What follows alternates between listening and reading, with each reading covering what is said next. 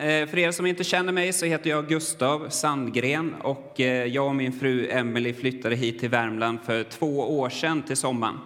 Och eh, tidigare så bodde vi i Skillingaryd som ligger mitt mellan Jönköping och Värnamo längs med E4. Så en del av er har kanske åkt förbi där.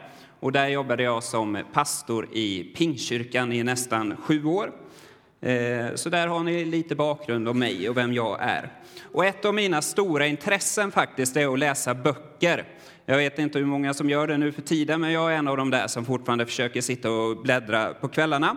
Och jag gillar historiska romaner och politiska biografier, så tråkig är jag. Men jag försöker att läsa en hel del kristen litteratur också. Och då brukar jag faktiskt läsa, och nu kommer en del tro att jag försöker ställa mig in här, men jag brukar faktiskt läsa Levi Petrus rätt så mycket. Och eh, jag satt och läste i hans andaktsbok som jag brukar göra under den högstes beskärm, om någon känner igen den.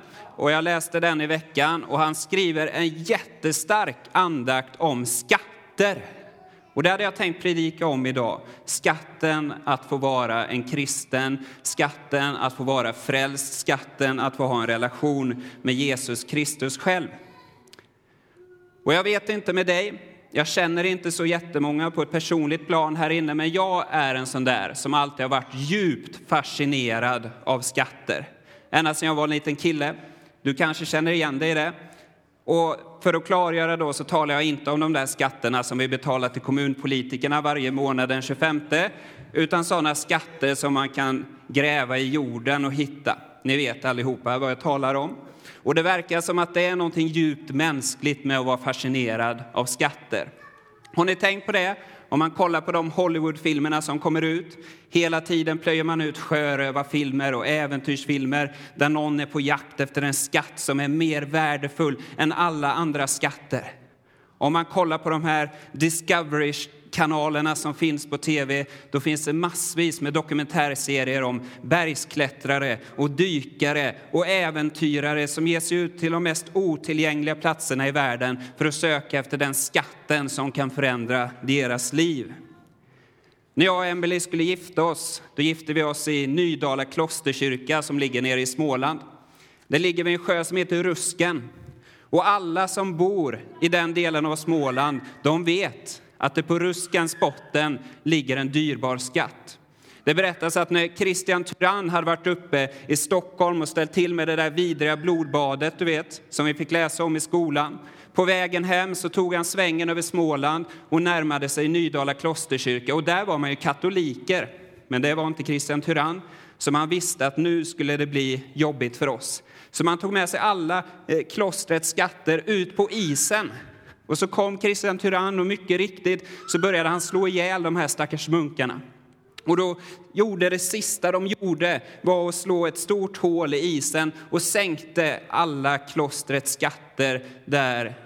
Och 500 år senare så dyker det människor varje sommar efter den här skatten. Då åker båtar och drar så här lod efteråt, för man är fullständigt övertygad om att det finns en skatt där. Och den som upptäcker den här skatten, han kan få sitt liv förändrat för alltid. Och jag hade tänkt idag att predika om den skatten som finns tillgänglig för alla människor, som Bibeln talar om, den skatten som heter frälsningen. Och jag vill återigen läsa de här orden som Desiree läste i inledningen här. Matteus 13 och 44. Och det är Jesus som talar. Och han säger Matteus 13, vers 44. Himmelriket är likt en skatt som är gömd i en åker. En man finner den och gömmer den och i sin glädje går han och säljer allt vad han äger och köper den här åken. Och sen fortsätter Jesus och säger himmelriket är också likt en köpman som söker efter vackra pärlor. Och när han har funnit en mycket dyrbar pärla går han och säljer allt vad han äger och köper den pärlan. Inte allt för sällan stöter jag på människor som säger till mig, Gustav, Sverige idag handlar bara om pengar. Kapitalismen har sånt grepp om Sverige och västvärlden idag att det enda vi tänker på är jakten på pengar, jakten efter att få mer. Det är det enda vi strävar efter. Och jag brukar säga till de människorna att jag tror att du har rätt i det. Men samma människor som säger det brukar också säga med en liten nostalgisk blick sådär att det var bättre förr. Förr i tiden så bytte man saker med varandra. Det var inte, man var inte så fixerad vid pengar. Och på Bibelns tid, Gustav, då var det andra värderingar. Man tänkte på andra saker. Det här med pengar, det var inte lika viktigt. Men om du är en av de där som tror att man på Bibelns tid skulle varit mycket mer from än vad du och jag är idag, så har du fel. För Petrus, Johannes, Maria, alla de där människorna som följde Jesus, man var ju lika fixerad vid pengar och skatter på den här tiden som du och jag är idag. Och ibland brukar jag tänka att man kanske var ännu mer pengafixerad på Jesu tid. För även om vi har stora klassklyftor i Sverige idag, och man brukar säga att de växer, så är det ju ingenting mot vad det var i Israel för 2000 år sedan. För de som var fattiga på Jesu tid, de var fattiga på riktigt. Och jag vet att det finns fattigdom i Sverige, jag förringar inte det på något sätt. Men någon gång har jag stött på en människa som har sagt att jag är fattig Gustav, för jag måste välja det lilla kanalpaketet på tvn, så jag kan inte se de här matcherna som jag vill se på fotbollen. Och jag förringar inte, det finns en riktig fattigdom i Sverige, men på Jesu tid var det på riktigt. Bara några generationer tidigare sålde man sina barn för att man inte hade pengar. Och det gick människor som inte hade någonting. Och då är det klart att pengar är det enda man tänker på. Om du inte har någonting, kan inte köpa mat för dagen, då blir du så fixerad av pengar. Jag tror att det var det enda man gick och tänkte på. Och likadant de som hade det bra på Jesu tid. De hade det så fruktansvärt bra att vi kan inte föreställa oss det. Israel var inget land där man ägde sin egen jord, utan många bibelforskare tror att det var 20-25 godsägare som ägde hela det som är Israel idag. Och så arrenderar man ut jorden till de fattiga bönderna. Och så satt de här godsägarna och var så fruktansvärt stormrika. Och då är det klart att man också fokuserar på pengar och tänker på pengar. Och Jesus, han visste ju detta. Läs Nya testamentet. Jesus talar om pengar och skatter hela tiden. Och människorna kommer till Jesus och frågar det här som du sa om tempelskatten, Jesus.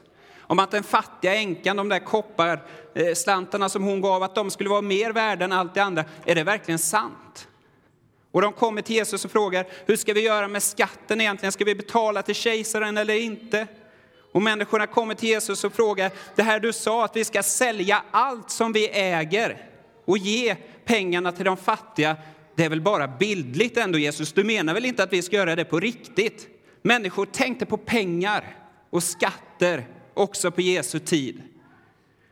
Och det är då Jesus ger de här två liknelserna till människor precis som du och jag. Det är det jag försöker säga, att när Jesus ger de här liknelserna, då talar han till människor precis som du och jag. Och han talar först då om en man som är ute och går på en åker. Och det vi vet är att åkern är inte hans. Och så går han här, vi tänker att han söndagspatserar, han verkar inte vara ute på något speciellt uppdrag så, utan han är ute och går och så sparkar han till i marken. Och så blir han säkert alldeles varm i sitt inre, för han ser att det blänker någonting där. Han har upptäckt en skatt, den här mannen. Och så säger Jesus att han springer hem och han börjar rota i byrålådorna där hemma och han eh, tar fram bankboken och han förbereder sig för att sälja allt som han äger för att kunna köpa den här lilla åkerbiten med skatten i. Och när jag tänker på det där, jag vet att det är en liknelse, men jag brukar ändå tänka hur det var för den där mannen om han var gift. Har du tänkt på det? För jag har läst massa undervisningar och gått så äktenskapskurser där man brukar säga att pengar, det är den vanligaste orsaken till bråk i ett äktenskap. Och tänk dig vad frugan måste ha sagt när han sprang hem där och började rota i lådorna och sa vi ska sälja allting älskling. Det var nog en del jobbiga blickar. Det är ingen, jag får inte något igenkännande från något här, det är bara jag som har det så hemma, men eh, Emil känner igen sig någonting. Det var nog inte jätteenkelt, men han visste att den skatten som låg i marken, den kan förändra vårt liv för alltid, älskling. Och då hängde säkert frugan på också, tror ni inte det? Och så var det den här andra liknelsen om köpmannen. Och det var precis tvärtom. Ni minns den första mannen, han var inte på jakt efter någon skatt. Han gick och spatserade, han var ute på en söndagspromenad. Men så kommer det en köpman, säger Jesus. En mycket medveten herre verkar det som, som kunde pärlor. Ni vet pärlor, sådana där som finns i musslor. Han kunde vilka som var fina, han visste, han kunde se vilka som var äkta, vilka som var dyrbara. Och det verkar när man läser detta som att han hade en hel drös med pärlor hemma som var fina. Men en dag så upptäckte han pärlan med stort P, finare än allting annat. Och också han sprang hem, sålde allt vad han ägde för att få skatten, pärlan som var mer dyrbar än alla andra. Och vad är det då du och jag i Karlstad 2015 ska lära oss när Jesus ger oss de här två liknelserna? Är det att vi ska vara på jakt efter skatter i vår vardag? Att när vi klipper gräsmattan där hemma ska hålla ögonen öppna? Jag tror inte det, även om det kan vara bra att hålla ögonen öppna, men chansen att vi hittar någon är väl inte vidare stor, va? Inte heller att vi ska investera alla våra pengar på börsen och hoppas att vi kan vinna oss en egen skatt. Det är inte det Jesus försöker säga till oss. Utan när Jesus talar om skatten här, då säger han själv att han talar om himmelriket och också tror jag han talar om frälsningen. Att vi får vara kristna är den största och dyrbaraste skatten som finns på denna jorden. Och när jag har suttit hemma och förberett mig inför den här predikan har jag upplevt hur den heliga Ande har lagt det på mitt hjärta. Att påminna dig och mig den här veckan om hur oerhört välsignat det är att få vara frälst. Att få vara en kristen. Jesus säger att den största och dyrbaraste skatten som finns, det är att få ha en relation med himmelens och jordens skapare. Jesus säger att den största och dyrbaraste skatten som finns, det är att vi får vara frälsta. Och du sitter kanske och tänker i bänken att det här är ingen nyhet för mig, Gustav. Nej, men visst lever vi inte våra liv efter detta. Visst blir det väldigt lätt så att det blir blasé att vara frälst, eller hur? Det är sorgligt, men det blir väldigt gärna så i många människors liv. Vi tänker inte på vad det faktiskt innebär, det Jesus gjorde för oss på korset. Vi förstår inte riktigt hur lyckligt lottade vi är att vi får vara frälsta, att det finns en kärleksfull Gud som bryr sig om oss och vill ha en relation med oss. För den dagen du blev en kristen, jag vet inte hur gammal du var, jag vet inte vart du befann dig i livet, men för alla människor som en gång har blivit en kristen så går det till så här. Att man kommer till en punkt i sin livs tillvaro då man inser att man är ingenting. Så måste det vara när man blir en kristen. Att man inser att jag har ingenting att erbjuda Gud. Och man sträcker sina tomma händer upp emot himmelen och säger Gud, jag har ingenting att erbjuda dig. Men jag litar på din nåd och jag vill bli en kristen tack vare det Jesus har gjort för mig på korset, tack vare att han lever idag. Och så tar vi ner våra tomma händer igen och så öppnar vi dem. Och där i ligger det någonting. Den där lilla pärlan, den där lilla skatten som är mer värd än alla andra. Så har det gått till för oss alla när vi blev kristna en gång. Och det ska vi påminna oss om idag. Vilken skatt vi har. Och vi har fått den alldeles oförtjänt. När jag var en liten kille så hade jag massvis med skatter. Åh, vad fina skatter jag hade. Jag kunde hitta en snäcka på Tjärnö på västkusten. Vi var där på somrarna. Och så tog jag den här snäckan och kände det här är min skatt. Jag har aldrig sett en finare snäcka i hela mitt liv. Det kunde varit en mjölktand du vet, som riktigt hade rotat sig in i munnen sådär och man gick vecka efter vecka och försökte dra ut den där mjölktanden men det gick inte. Och sen så drog eh, brorsan ett snöre om den och till slut liksom band den i en dörr och drog upp och så ryckte den där mjölktanden ut. Och så hade man den där tanden och tänkte, åh vilken skatt, vad fin den är. Eller man hittade någon liten glasbit som hade polerats av sandet och havet. Och så la jag de här skatterna i små tändsticksaskar med bomull i. Och sen låste jag in tändsticksasken i ett skrin och gömde nyckeln. Hade du också sådana skatter? Jag tror att de flesta har haft någon form av liknande grejer för sig. Och det viktigaste med mina skatter, det var att ingen skulle få röra dem. Ingen skulle få se dem. Och speciellt inte mina syskon. Och så var det en evig kamp om att hitta varandras nycklar och så vidare. Men ingen skulle få se mina skatter, för det var mina. Och jag tänker att det finns en överhängande risk i mitt liv och kanske också i ditt att vi agerar likadant med den där skatten som vi fick av Jesus när vi blev frälsta. Att vi tänker att den här skatten, att jag är frälst och har en relation med Jesus, det är det viktigaste som finns i mitt liv. Men jag håller nog det för mig själv. Jag vet inte om du är sån, men jag är sån. Och jag är väldigt, väldigt svensk om man får använda det där. Alltså jag är väldigt svensk. Jag vill inte störa någon. Jag vill ha allting för mig själv. Jag bryr mig inte jättemycket om hur andra lever, utan ingen ska störa mig och jag ska ha mitt för mig själv. Sån är jag väldigt mycket, har blivit uppfostrad sån. Och därför finns det ofta en risk att jag vet att frälsningen är det största som finns för mig, men jag håller det väldigt gärna för mig själv.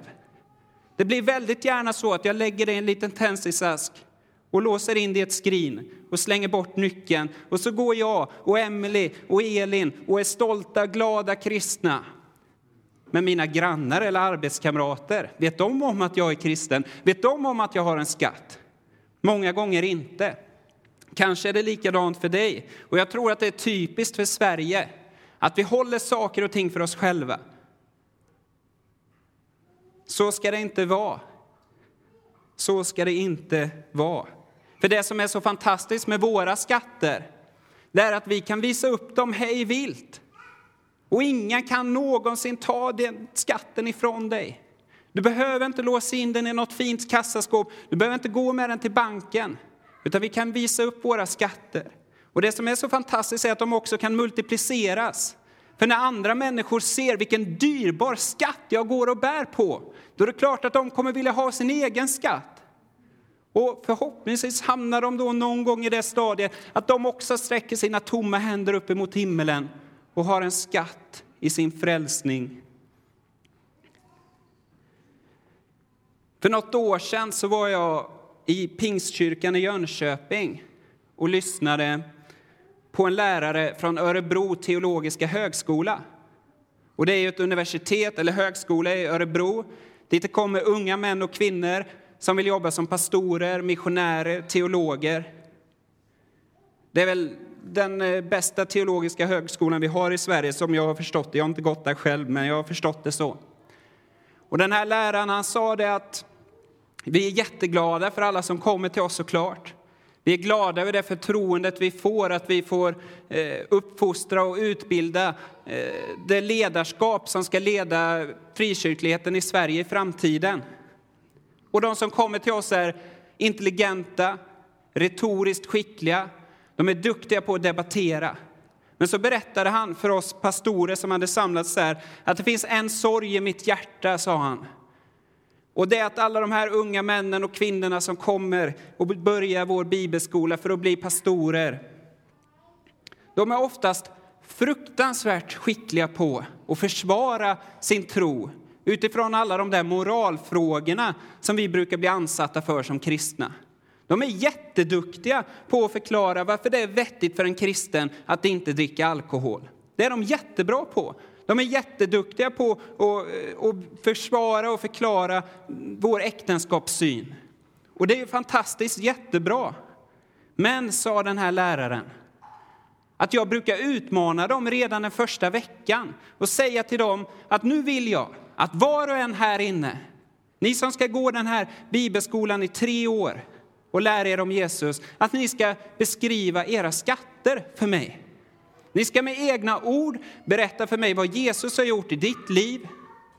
Ni ska med egna ord beskriva den skatten ni har fått ifrån himmelen och varför den är så värdefull att varje människa i hela eh, jorden borde vilja ha en liknande skatt. Och då sa läraren att oftast blir det väldigt, väldigt tyst. För det är inte så enkelt. I Sverige så är vi så ansatta ifrån media, ifrån lärare i skolan och ifrån politiker som kristna. Vi får höra hela tiden att det är fel på oss, eller hur? Så kan ni inte tycka, så kan ni inte göra. Ni kränker mig för att ni tycker och tänker så här. Och det här uppfostras vi i som små, små barn. Och när vi då kommer och ska gå teologisk högskola, då är vi jätteduktiga på att försvara vår tro. Men vi är dåliga på att beskriva våra skatter. Och det är klart vi ska vara duktiga på att försvara vår tro, men det viktigaste måste väl vara att vi kan visa upp våra skatter, det som vi tror kan förändra människors liv. Att vi talar om frälsningen och korset. Det vill jag påminna om idag. När var senaste gången som du berättade för en människa om din skatt? För på det jobbet jag jobbar, då blir det ofta att man börjar tala om de här moralfrågorna. Men det är sällan som jag berättar för någon varför Jesus betyder allt för mig. Varför frälsningen är det viktigaste som finns. Varför jag tror att du och du och du, mina arbetskamrater, också skulle behöva den här skatten. Det är sällan. Och jag tror det är likadant för dig. Vi behöver öva oss i att beskriva våra skatter. Levi Petrus han skriver i en av sina böcker, och jag vet inte om det är sant, men jag tycker det är fascinerande, att i världshaven, i vattnet, så finns det 20 miljoner ton guld, men i små, små, små partiklar. 20 miljoner ton guld som bara ligger där och väntar på oss. Men ingen människa är intresserad, för det finns ingen teknik att utvinna det där guldet ännu. Det är guld som skulle räcka till att köpa hela världen i princip. Men ingen bryr sig om det, för vi har ingen teknik för att få ut det. Och när jag läser det där så tänker jag att är det inte likadant i Skoghall och Karlstad idag? Jag tror det finns massvis med människor som är på jakt efter frälsningen, på jakt efter meningen med deras liv, är på jakt efter en skatt som kan förändra deras inre. Men ingen ger dem tekniken för hur man ska komma dit.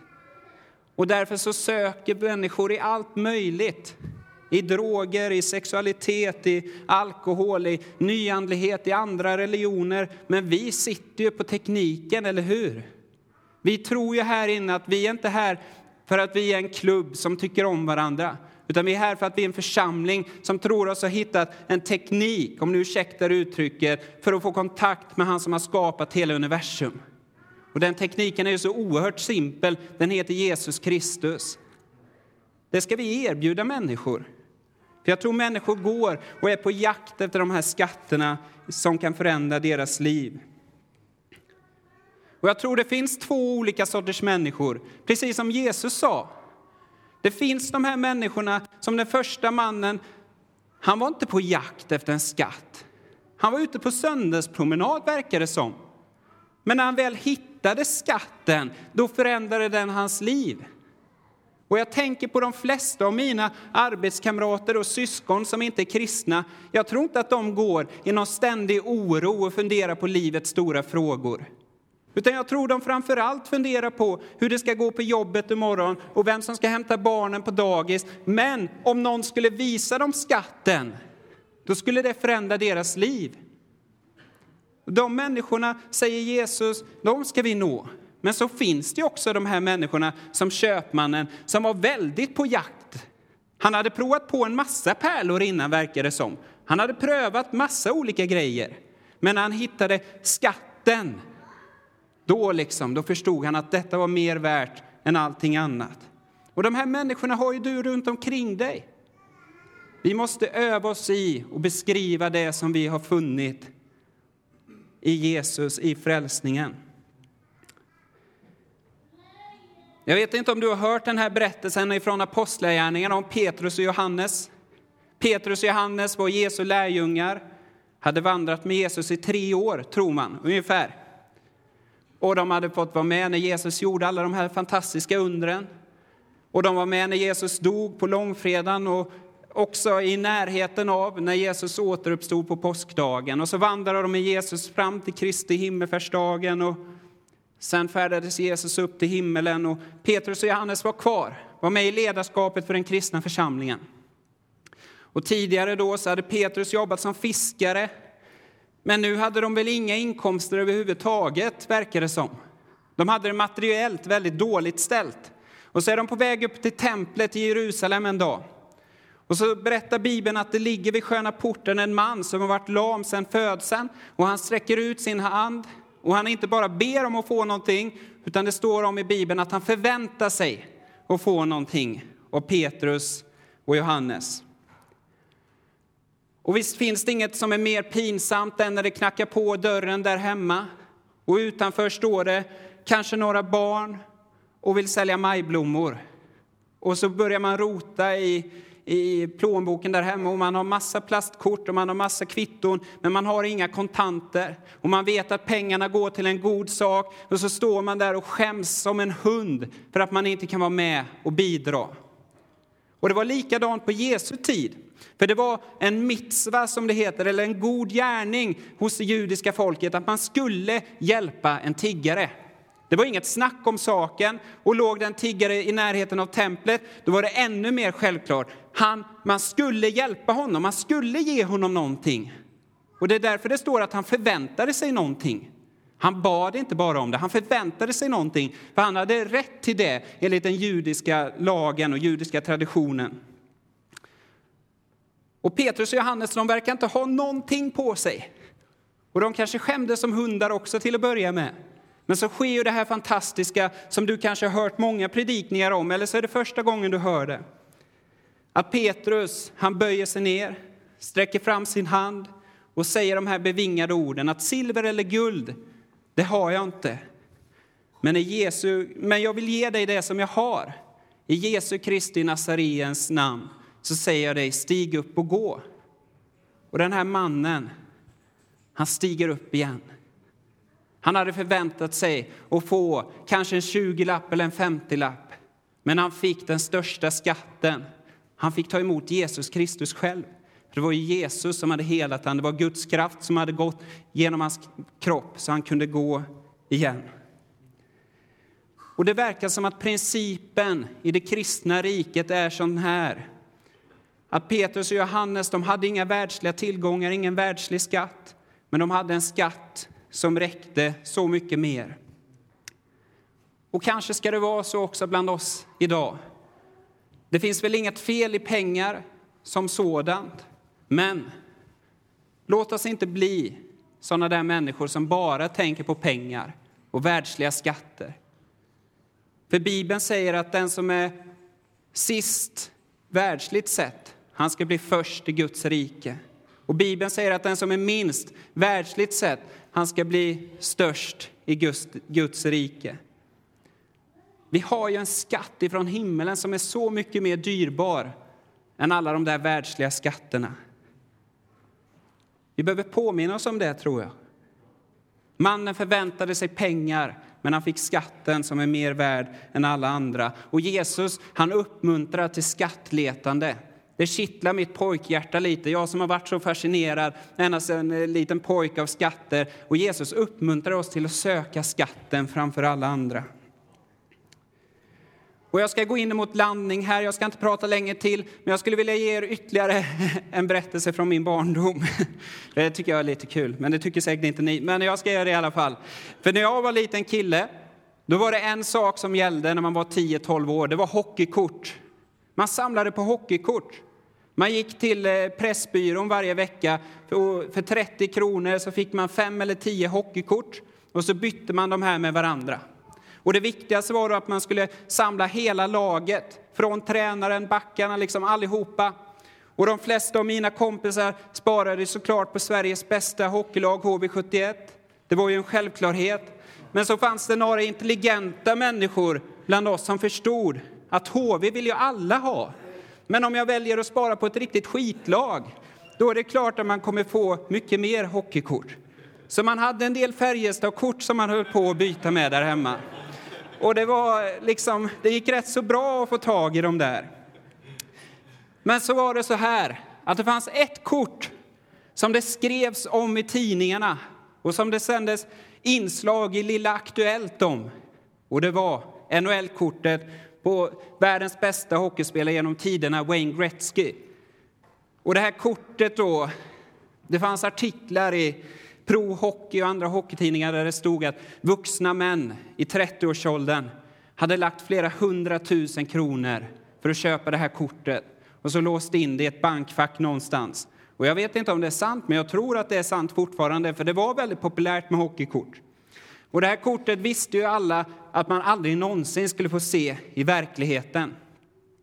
Men så en dag när vi gick till skolbussen, då var det en liten nyinflyttad kille i Furesjö. Och han var flera år yngre än oss. Och jag vet inte hur du var när du var barn, men jag var inte jättesnäll så jag brydde mig inte om han överhuvudtaget. Och vi satt där bak i bussen som vanligt och veckorna gick och vi bytte våra hockeykort. Och en dag så kläcker den här lilla killen ur sig att jag har ett Wayne Gretzky-kort där hemma. Och då blev det genast andra ljud i skällorna. Då, var, då la man armen kring honom och sa vad roligt att du har flyttat till Furesjö, Håkan. Och det är klart att du ska vara med mig och mina kompisar och leka i eftermiddag. Vill du inte det? Jo, men det ville han ju, den här lilla killen såklart. Och då kom vi med det här generösa förslaget att vi kanske kan leka hemma hos dig till och med. Ja, det kan gå bra. Så vi sprang hem och åt och snabbt så kom vi ut igen. Vi hade handskar på händerna för att inte sätta några flötiga fingertryck på kortet. Vi hade en pincett så man kunde plocka upp det. Och vi var förberedda allihopa när vi kom in hem till Håkan. Och så släppte han in oss i rummet. Och han sa, ja, nu ska ni få se på mitt Wayne Gretzky-kort. Och hjärtat slog och man förstod att nu ska jag få vara med om det största tillfället i hela mitt liv. Jag ska få se skatten framför andra skatter. Och så plockar den här killen upp ett Wayne Gretzky-klistermärke. Och det var ett sånt där Wayne Gretzky-klistermärke som låg i Kellogg's Frosties-paketen. Och det var en stor Kellogg's Frosties-tiger på. Ni förstår, det var ju inget riktigt ju. Han hade ju missförstått alltihopa. Vi hade ju 20-30 sådana här klistermärken allihopa på gatan. Och vi förstod att den där skatten som vi hade varit på jakt efter, det var fejk. Den var inte värd någonting. Och jag tänker att det finns hundratals Wayne Gretzky-klistermärken i Karlstad och Skoghall. Falska skatter som folk är på jakt efter. Jag hoppas ni förstår min bild. För vi var på jakt efter det där Wayne Gretzky-klistermärket, men det höll inte. va? Det var inte värt någonting. Och jag tror det är likadant i många av dina kompisars och grannars liv. Man ser nyandligheten och tycker att det där verkar lockande, det där verkar väldigt bra. Man kan få harmoni i sitt liv och man går och söker i nyandligheten. Men man kommer komma till en punkt där man förstår att det är ingenting att ha. Och man börjar dricka alkohol för man tänker att det här är bra, det kan ge mig lite självförtroende och det liksom är gott och det, det är bra grejer det här. Men så kommer man till en punkt där man förstår att det är ingenting att ha, det är en falsk skatt. Och människor söker i islam eller buddhism eller någonting annat. Och jag som kristen är övertygad om att de religionerna är inte ifrån Gud själv. Och hur lockande de kan vara för människor så kommer de komma till en punkt i sin tillvaro där de förstår att det var ingenting att ha. Det var en falsk skatt.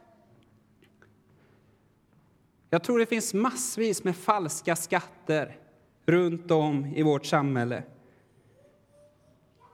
Och vi som kristna ska vara försiktiga med att hamna i den där fällan. För vi har fått den riktiga skatten. Men sen blir det lätt att också det nästlas in bland oss som kristna att vi börjar söka efter falska skatter. Vi börjar tänka allt för mycket på pengar. Vi börjar ta lite influenser ifrån nyandligheten. Vi börjar kompromissa med vem Jesus är och säger att ja, men det kanske finns andra vägar till Gud.